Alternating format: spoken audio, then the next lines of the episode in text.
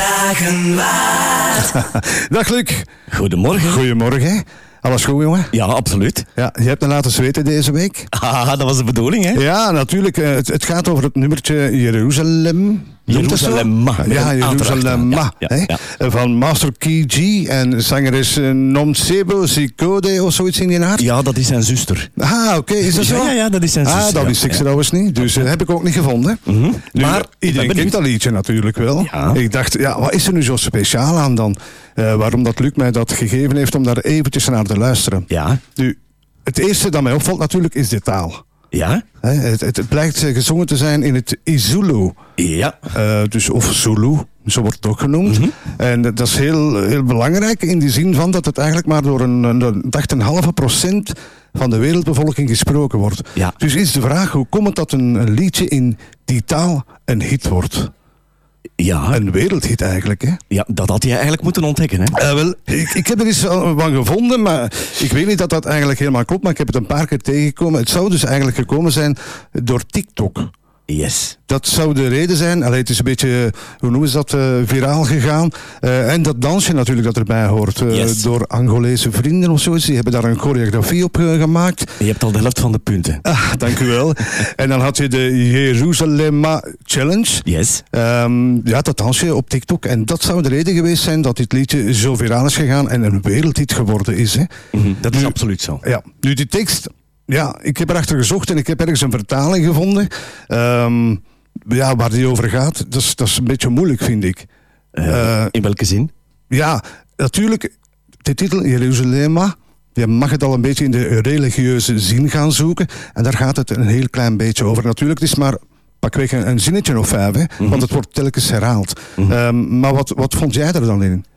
Ehm, ik vind het een zeer aanstekelijk nummer. Als ik het nummer de eerste keer hoorde, ik vroeg mij af, waarom raakt dit nummer mij? Ja. Waarom raakt dit mij? Het eerste wat ik ontdekte, dat is dat daar een soort van mannelijke stem in elke maat zit. Je hebt daar een soort van ich in die stem. Hij gaat weer technisch worden. Nee, dat is de enige technische. ja, dat, ja, ja, maar dat is goed, dat is goed. Dat is de, rest, de rest gaat allemaal inhoudelijk zijn, maar er zit een soort van ich in. Er, zit- Ja. er, er is een vent in die zegt, in elke maat zegt hij dat. En ik vond dat zo aanstekelijk dat ik dacht van, dit heb ik nog nooit gehoord. Oké. En dan pas ben ik gaan verder graven. En toen werd het al een hele grote hit, want het nummer is voor mij aanstekelijk. Ik dacht, ja, is het nu omdat het het ritme is? En daar valt weinig over te vertellen, want dat is eigenlijk...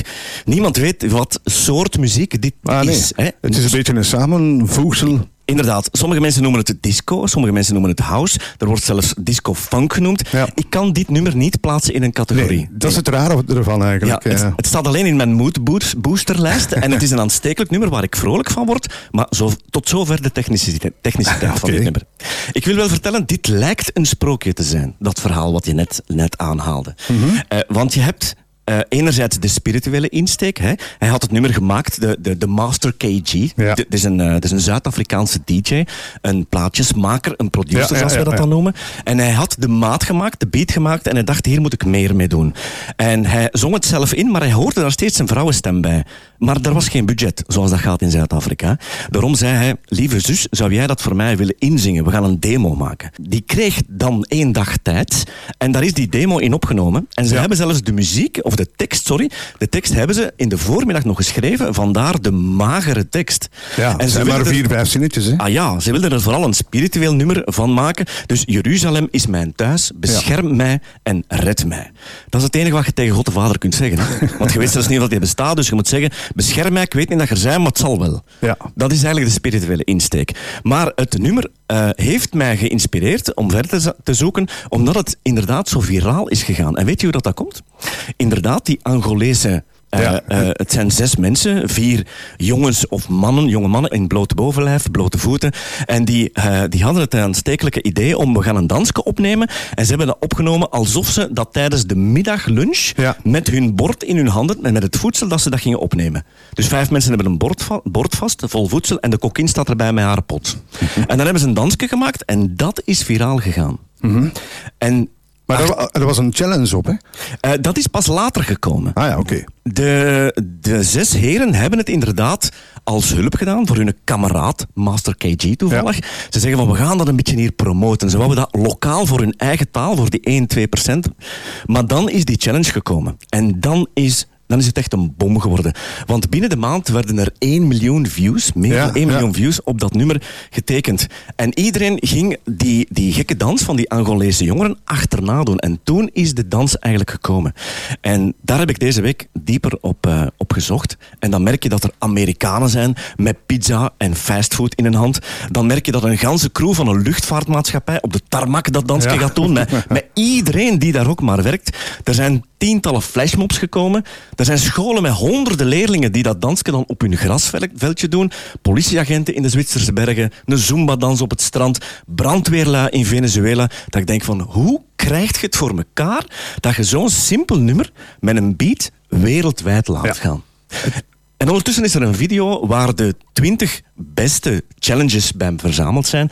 En wat mij daar zo naar de keel gegrepen heeft, is dat de minst bekeken van die 20 haalde meer dan 8 miljoen views. Onwaarschijnlijk. Kan je raden hoeveel de best bekeken heeft? Geen flauw idee van. Maar als dat al 8 miljoen is voor de minst bekeken. Ja. Ja, nee, ik zou iets zeggen dat. Nee, ik, ik heb er geen flauw idee van. Ergens vorig jaar is het, is het eh, opgetekend op 160 miljoen hits voor de best bekeken video. Ja. En het werd overal gedaan, die dans. In Madagaskar, Hongarije, Portugal, Italië, Kaapverdi, Cuba, eh, Roemenië, Sri Lanka, Oeganda. In godsnaam, dan mag je mij een miljoen beloven als ik een hit wereldwijd en viraal kan laten gaan. Sorry, maar ik kan dat niet. Maar was dit dan de, de meest bekeken? Eh, welke de meest bekeken is, het is een Afrikaanse, een Afrikaanse versie. Want laat ons eerlijk zijn, als die Afrikanen aan het dansen gaan, dan Ja. lijkt alsof dat die geen benen in hun lijf hebben. hè. Ja, wij kunnen dat niet. Als die hun kniezwengel doen, ja, Ja. daar, daar wordt elke Vlaamse zangeres op het Eurosongfestival jaloers op. Hè? Eh, dat, is, dat is magistraal als die gaan Ja, staan ja. dansen. En dat is zo aanstekelijk. En dat is eigenlijk, laat ons zeggen, de wereldwijde hukkelbuk. Als ik naar Ja. school ging, moest ik op de bosklasse moest ik daar de hukkelbuk leren als 11-jarige jongen. En, maar ik ken het nog altijd 50 jaar na datum. En dit is voor mij de virale hukkelbuk. Het is een soort van Macarena, laat ons maar zeggen. Het is een niet zo moeilijk dansje. Er zijn tientallen instructievideo's op het internet te vinden. Fantastisch. Dit is voor mij een. Dit lijkt een sprookje. Maar je spreekt er vol met passie over, man. Ja, mooi, Het hè? is- het is, ja, ja, ja. Ik vind, vind ja, afwijs wat. Maar toch nog een laatste Ja. bittere nasmaak, want ik zeg bewust, dit lijkt een sprookje. Het is nu gebleken dat de zangeres, zijn zus dus, nog altijd geen eurocent aan royalties heeft ontvangen, omdat er in het contract niet bepaald is hoeveel zij precies krijgt, dus wordt ze niet betaald. Hoi. En dat lijkt een sprookje, dat is het nog niet voor haar. Ik zou voorstellen, we gaan er even naar luisteren. Hè. Jeruzalem. Ja, dans- dansen mag ook, hè. Luister vooral naar die ish in, in elke maat.